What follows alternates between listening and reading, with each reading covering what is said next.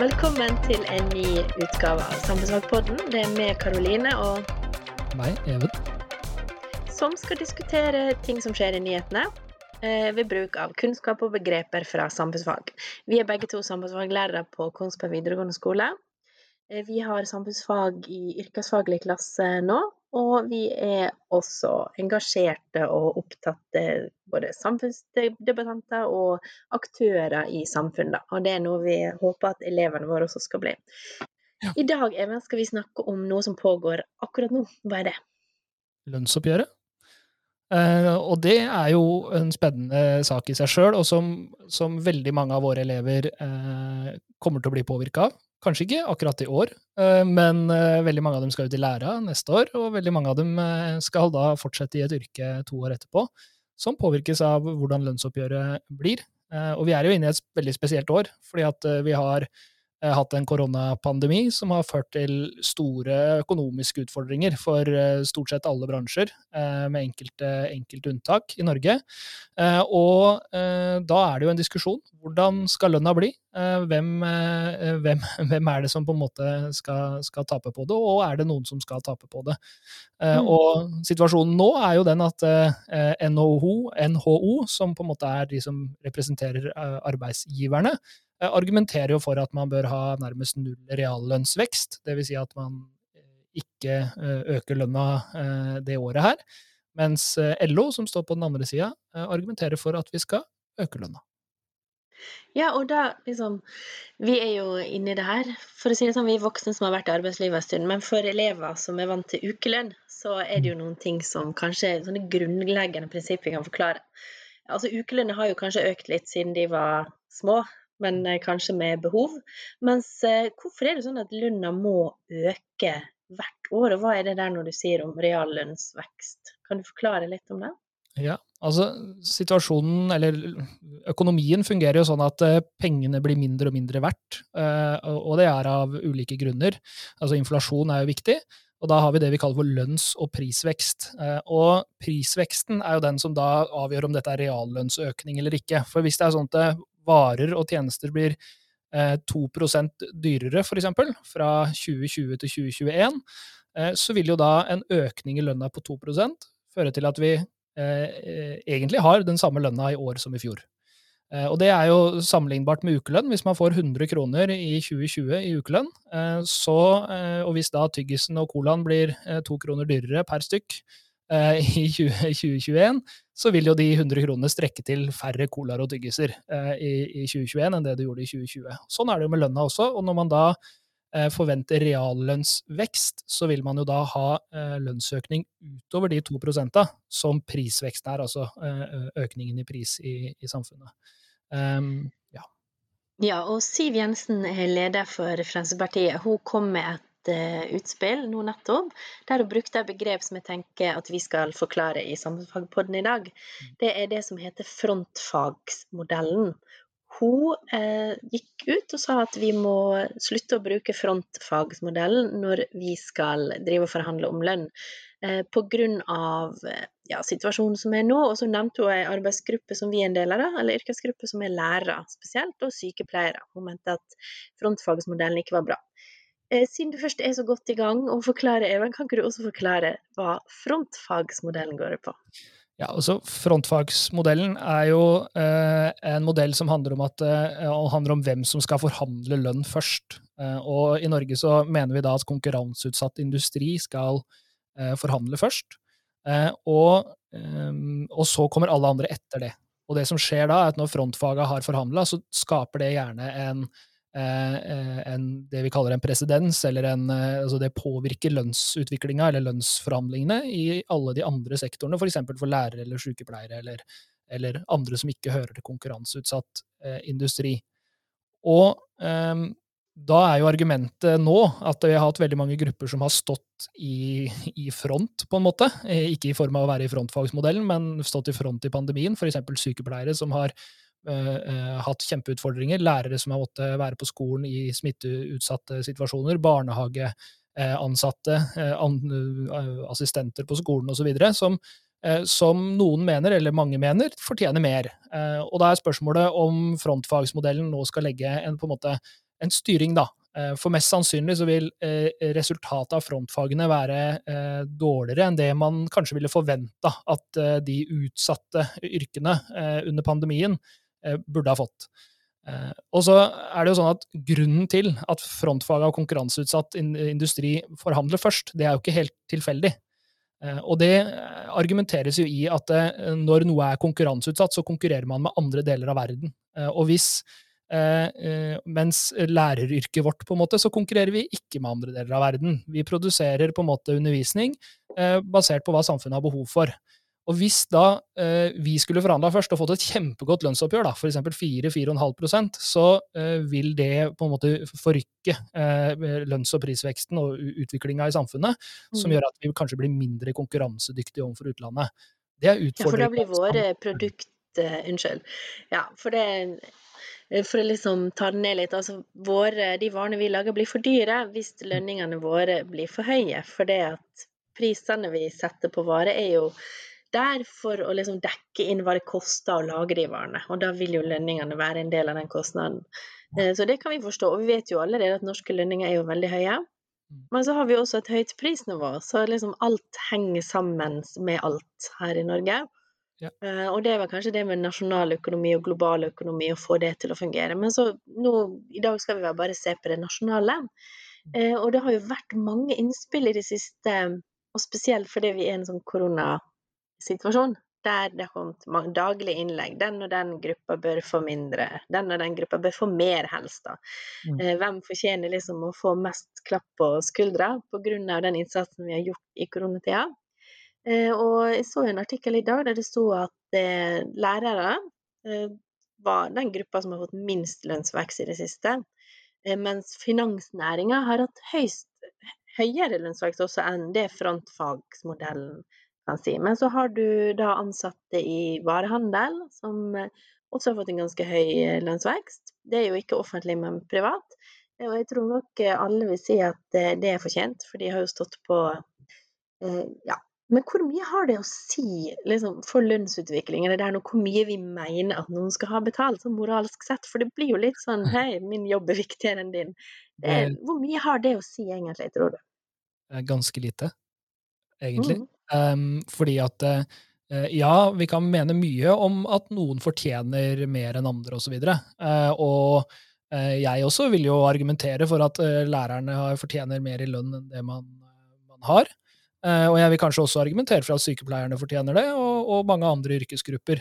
Uh, og så er det jo da også sånn at uh, lønn fastsettes også på bakgrunn av at, vi, at, at økonomien vår er i en viss stand.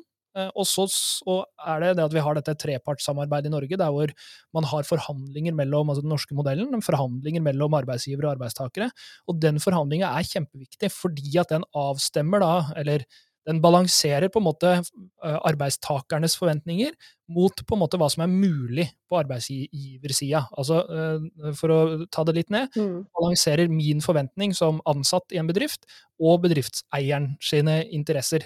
Og Problemet da er at hvis min lønn øker så mye at eh, det blir ulønnsomt å drive den bedriften, da har vi et problem, begge to. For at, ja, da kan det hende at jeg tjener veldig godt i et, et halvt år, men så har jeg kanskje ikke noe jobb etter et halvt år, fordi at lønn, lønn, lønnskostnadene blir for store. Eh, vi klarer ikke å mm. selge produktene våre, vi klarer ikke å konkurrere på det internasjonale markedet osv. Så, videre. så eh, det, det, avgjøres av veldig mye annet enn hva vi på en måte mener er riktig og galt, eh, tenker jeg. Men det betyr jo ikke at man ikke skal kunne argumentere for det. Nei. Ikke sant? Og det er jo der vi har fagforeningene, som nå er ute i avisene og argumenterer for at sine medlemmer skal få lønnsvekst. Og så har vi jo politikere som hiver seg inn på den ene og den andre sida, og så mm. kan vi andre stå på sidelinja og støtte. Men så er det de, det der trepartssamarbeidet som du ser, som er vel, det er der lønna fastsettes. Og der har vi jo hatt en veldig fin eller kan si, veldig fin kan jo vi si da, her i Norge, men vi syns jo at den ordninga fungerer utmerket. Og alle som har sett Harald Eia sitt eh, typisk norsk eh, program, ikke det heter, mm. kan jo se på de eh, programmene der forklare den norske modellen og hvorfor det fungerer så godt for økonomien og for folk og velferd. Men jeg vil anbefale hvis noen lurer litt mer på hva det er som bestemmer lønna, hvorfor har vi det systemet som vi har da.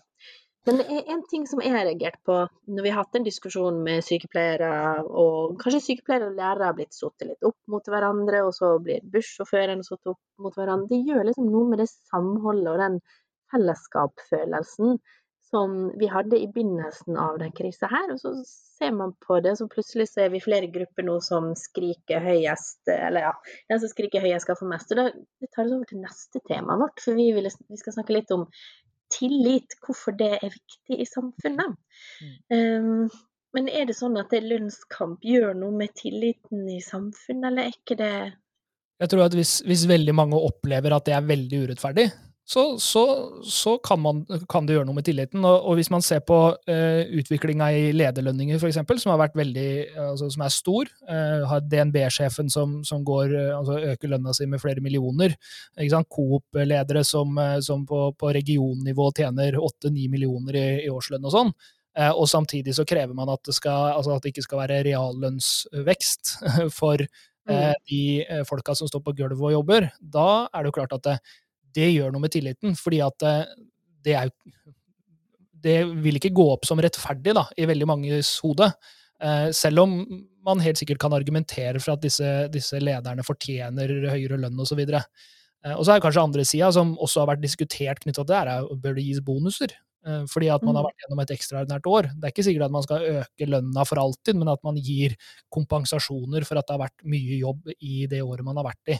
Eh, og der er det jo mange sykepleiere som har fått det, gjennom at man f.eks. har fått overtidsbetalt for, for, at man har jobba mye. Så det er nok mange som har hatt høyere lønn utbetalt, men så har man jo også mm. jobbet betraktelig mer, da. Eh, så, så er jo spørsmålet hva som er rettferdig og ikke. Det tror jeg har mye med tillit å gjøre.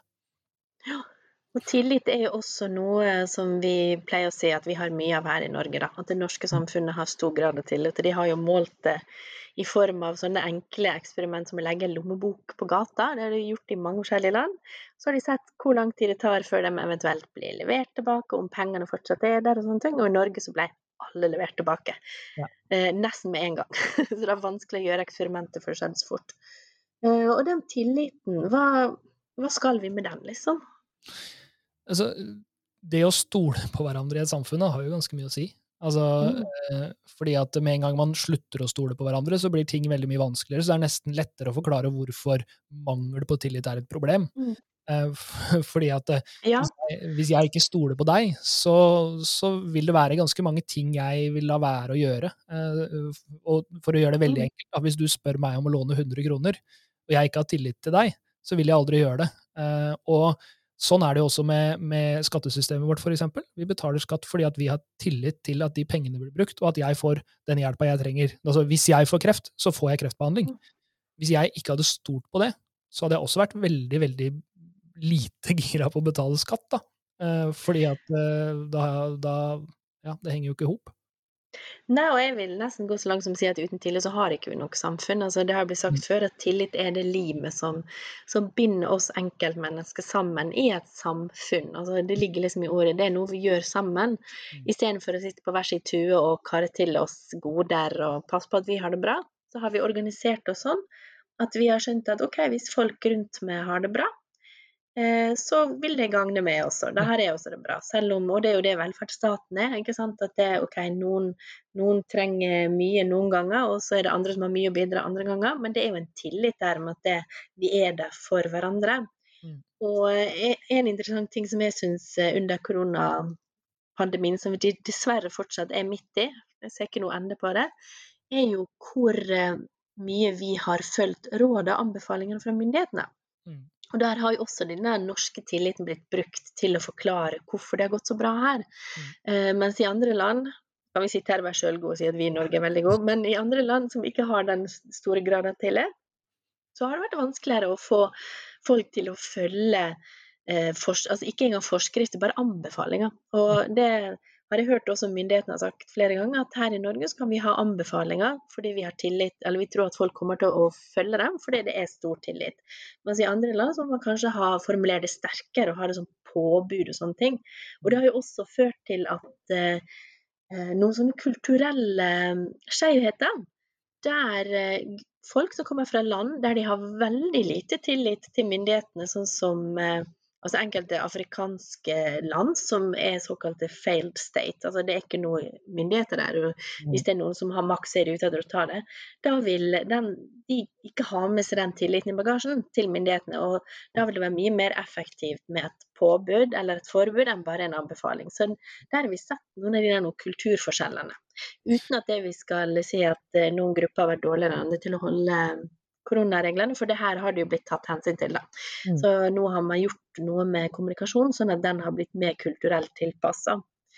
Ja, og enkelt sagt så, en Ja, enkelt sagt så betyr det jo at vi, vi, vi i Norge så er vi villige til å gjøre ting staten sier, uten at det trenger å følge med en straff i enden, hvis vi ikke gjør det. Eh, Så, så liksom, og det, det jo, har jo veldig mye med tillit å gjøre. Eh, Fordi Mhm. at i de aller fleste tilfeller så altså, Veldig mange steder i verden da, så vil man jo aldri ja, altså, fulgt en regel med mindre det fulgte med en straff. Um, Nei, sånn som i USA, for eksempel. Ja. Jeg bare ser for meg USA der de blir kjempesinte når det blir fortalt at de ikke kan ha våpen, f.eks. Mm. Der de ikke kan, kan ikke skyte en innbruddstyv i mitt eget hus, liksom. Ikke kom her og blande inn i mine private anliggere. Mm. Mens her i Norge sier vi ja, ja, du forbyr meg å ha gjester i mitt eget hus.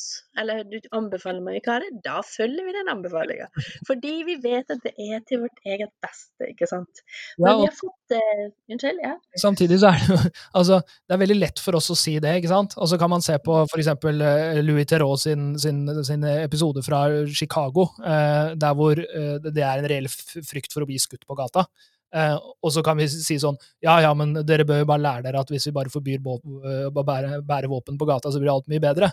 Men jeg tror at hvis du le lever i det samfunnet, så er det Altså, det å ikke ha våpen på deg, da, føles så enormt utrygt, nettopp for at tilliten er Mm. helt skrapt vekk. Så vi som lever i et samfunn med høy grad av tillit, vi, vi tar det kanskje så for gitt, da, den følelsen av å være trygg, på sett og vis, som man jo får av Mm. å være ganske sikker på at du ikke blir angrepet hvis du går ut av døra. Uh, så, så det er en sånn ja. Det henger jo veldig sammen, tenker jeg også. Altså, vi har jo tillit fordi vi har et godt, trygt samfunn med høy velstand. Mm. Eh, Den tilliten hadde nok forsvunnet fort. Alle som har sett sånne postapokalyptiske zombiefilmer, vet at det er når naboene vil drepe deg, da forsvinner jo den tilliten. Neida, det er jo litt satt på spissen. Og det, apropos, det er jo litt herlig, da. Jeg har jo sett en del sånne filmer om pandemier og sånne ting. Science fiction-filmer. Mm. Eh, og der har liksom det første som har skjedd, er at folk begynner å plyndre butikker, de begynner å stjele mat fra hverandre. Og det skjedde jo virkelig ikke nå når vi har blitt sittet på den prøven da, ting har blitt senkt og, og sånne ting. Og, og, så det er en del av eh, menneskenaturen over hele verden, så jeg tror vi folk flest ble litt sånn positivt uh, overraska. Ja, så så det blir ikke plyndring som en gang. Kan hende det har noe med at denne pandemien er ikke så synlig, da. Jeg tenker at i sånne pandemifilmer så får du jo gjerne et eller annet sånt virus som gjør at du det det, du blir liksom så veldig synlig dårlig, da. Eh, Jeg vet ikke. Kanskje hvis vi hadde hatt et virus og liksom Ja. Nei, nok om det. Det det nå, nå drar vi det langt.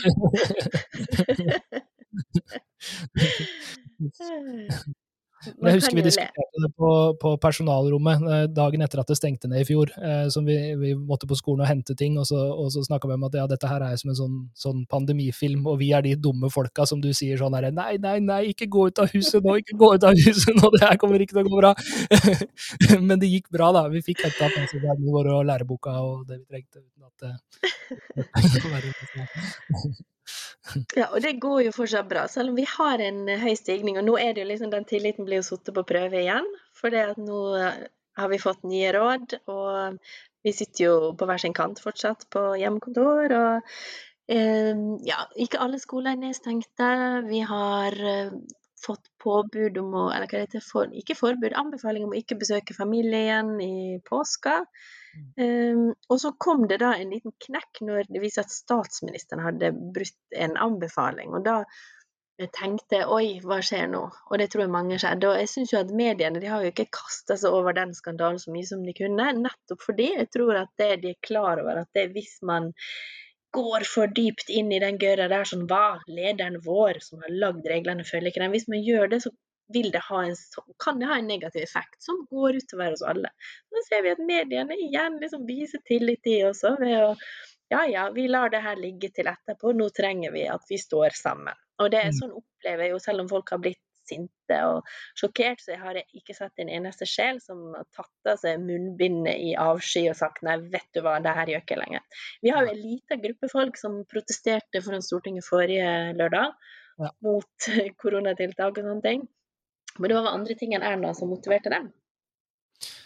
Ja, altså det var jo alt annet. eh, og, og, og nedstenging og det hele. Altså, og det skal jo også sies at den gjengen som altså Veldig mange av de som protesterte utenfor Stortinget, dem har nok en svekka tillit fra før av. Jeg så et par klipp, eh, og det er av folk som jeg har sett i tilsvarende type eh, eh, demonstrasjoner før, eh, som også bærer preg av veldig mangel på tillit til myndighetene. Eh, og det er klart at Hvis du i utgangspunktet tenkte at myndighetene var ute etter deg, så er det klart at denne pandemien og nedstenginga av det hele, og et virus som vi på en måte ikke ser, og hvis du ikke har opplevd det i nær krets, så tenker du ikke noe særlig over det, så, så er jo det bare en sånn bekreftelse på denne konspirasjonen om at, eh, at, eh, at staten er ute etter å trykke deg ned og sånn. Så, Ja, og så hiver du på litt vaksinefrykt og 5G-frykt også. Da har du en skikkelig oppskrift på mistillit, rett og slett. Ja, Så det er jo en ordentlig cocktail. Um, men det er veldig få av dem. Altså, De er veldig, veldig veldig få. Um, og, det, uh, og, det, er jo nettopp pga. at tilliten er der. Og så tror jeg liksom, mm. dette med Erna og statsministeren, det er klart at hun, hun må jo ta sin del av ansvaret for å uh, ha brutt reglene. Det bør ikke en statsminister gjøre. Uh, og vi har flere av dem også. ikke sant? Vi har uh, politiske rådgivere i, til regjeringa som har vært på tur til Nesodden for å ta seg en øl. Vi har nestlederen i Arbeiderpartiet som hadde nachspiel etter et årsmøte i, i, i Bodø osv. Uh, og det ser aldri bra ut når mennesker som har ansvar og ha, skal ha tillit, og som forvalter på en måte hvordan vi skal styre Norge, så, og gjør sånne ting, det, det, er aldri bra, og det skal man jo være kritisk til. Men, man, men, det er som du sier, at man kan, ikke gjøre, man kan ikke dra det så langt at vi på en måte ødelegger tilliten oss imellom. For det, det er jo ikke gjort av rein uvilje, og altså, det er ikke fordi at Erna Solberg er ond, eller at ikke Nei, det spiller meg egentlig ikke noen rolle om hvorfor hun har gjort det. Den diskusjonen kan vi ta etterpå. Ja. Men, men, det er jo litt interessant å se forskjellen med f.eks. Storbritannia, der folk har fått sparken, da. I, politikere har fått sparken når de har blitt tatt i å bryte de reglene. Det sier jo kanskje gjennom kulturforskjeller. Jeg vet ikke hva som er eh, altså, Men jeg, jeg, vet jo ikke hva, hvorfor det er sånn her i Norge, men jeg kan jo tenke meg at man tenker at hvorfor å skulle begynne å finne en ny statsminister midt i en krise er kanskje igjen ikke hensiktsmessig, selv om eh, man har lyst til å komme med reaksjoner. Så det er noe med ja, det, det, er noe med å tenke på helheten. Hva, hva, hva, vil vi oppnå, og hvordan vil vi oppnå det? Men jeg syns også det er litt eh, Nå snakker vi jo om tillit, og det er jo på en måte det mot, eller ikke det motsatte, da, men hvis man tenker på det vi snakket om kritisk tenking før, som på en måte er å ha en slags mistillit eh, ved å si sånn Stemmer det virkelig her? Eller oi, du har makt over meg. Eh, da må jeg undersøke din maktutøvelse fordi jeg må være kritisk. Så det er jo en sånn balansegang, da. Jo, men den tenker jeg er til stede også, er viktig. Altså, for eksempel når, når, man valgte ned å stenge ned hele Viken, så var det en rekke ordførere ute i, i Viken fylke, bl.a. i Hallingdal og, og i Nord-Uvdal, som er nært der hvor vi, vi, vi kommer fra, som var ute og kritiserte det. For at dem hadde jo nærmest ingen smitte i sine kommuner, og syntes det var veldig rart at de måtte stenge ned sitt næringsliv. Fordi at det var mye smitte i Drammen, eller Drammen og Oslo og, og Bærum og sånn. Uh, og det er klart, den kritikken den er jo viktig, um, mm. og, og, må løftes. Uh, og, uh, og, den diskusjonen har jo pågått gjennom hele pandemien. Ikke sant? Så det, det er jo egentlig medienes stadige kritiske tenkning, og den mm. tror jeg er viktig også for å skape tillit til de, de, de virkemidlene som settes inn. Um, det tenker jeg også. Ja, jeg tror ikke at kritiske spørsmål eh, liksom gjør noe med tilliten i det hele tatt. Tvert imot, den gjør oss, gir oss mer tillit. fordi da får vi lufta problemstillinger og ting vi lurer på, eller hva skal jeg si, ikke ting vi lurer på, men får lufta flere sider av en sak, og så blir jo da de tiltakene til ved at man hører på forskjellige innspill fra rundt omkring. Ja, altså, det er ikke noe motsetningsforhold der, for å si det sånn. Og så aksepterer man jo, altså man diskuterer er det her et forholdsmessig eh, tiltak eller ikke. Mm. Og så taper man kanskje den diskusjonen, og da velger man å følge regelen. Hvis man hadde vært kritisk tenkende med den måten at eh, man argumenterer mot eh, f.eks. munnbindkrav, da, eh, og sier at det tror jeg ikke det er noe lurt, og så taper du den diskusjonen, og det blir munnbindkrav, og du sier da sånn nei, da, jeg vil ikke gjøre det, for jeg mener, ikke sant, og veldig mange i Norge mm. argumenterer imot, og så taper de kanskje diskusjonen, og så blir det et tiltak, da velger man å følge det. ikke sant? Samtlige mm. bedrifter i Hallingdal har stengt ned, selv om de var imot at de skulle stenge sted. ikke sant? Ja. Og det er jo den tilliten, at vi velger å følge det, men vi har en diskusjon på forhånd. Og så er det også et ganske langt stykke fra å si jeg syns ikke det er et forholdsmessig tiltak, og, og si sånn eh, eh, Grunnen til at Erna Solberg innfører det tiltaket, er, er for at hun vil kontrollere oss som et samfunn og kue oss ned. Eh, da er du inne på konspirasjonsteorier når du begynner å tillegge folk en åpenbart feil mening eller en mening de ikke har. Ikke sant. Og jeg tenker den åpne samtalen og åpne sånne beslutningsprosesser er viktig i et demokratisk samfunn, og det er viktig når det gjelder tillit. Og mange har jo hva skal jeg si, Vi har jo noe som heter vaksinekonspirasjoner, men så har du også de som er bekymra for vaksine pga. bivirkninger. ikke sant? Og mm. vi har jo nå stoppa vaksineringa av den var det AstraZeneca fordi det var bivirkninger, og det syns jeg er kjempeflott å se at man gjør det, da.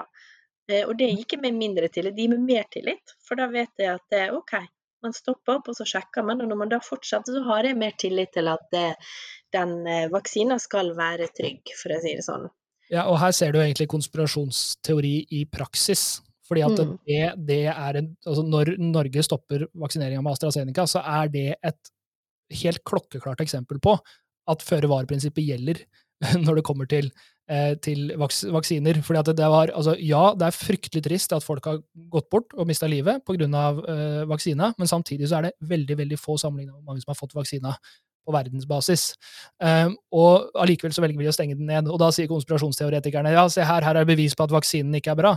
Men hvis teorien deres om at vi driver med vaksinering for å gjøre et eller annet med oss uh, i samfunnet, så ville jo ikke staten ha stengt ned og latt være. Da ville de jo bare pumpa på, da, eh, hvis det, hvis det var, og da ville de jo ikke sagt noe, ikke sant. Så ja, det, det er veldig sånn rar uh, Ja, det, er et ganske godt eksempel på hvordan dette her, denne rare logikken uh, på en måte bare blir snudd tvert om i, og tilpassa situasjonen uh, i enhver sammenheng.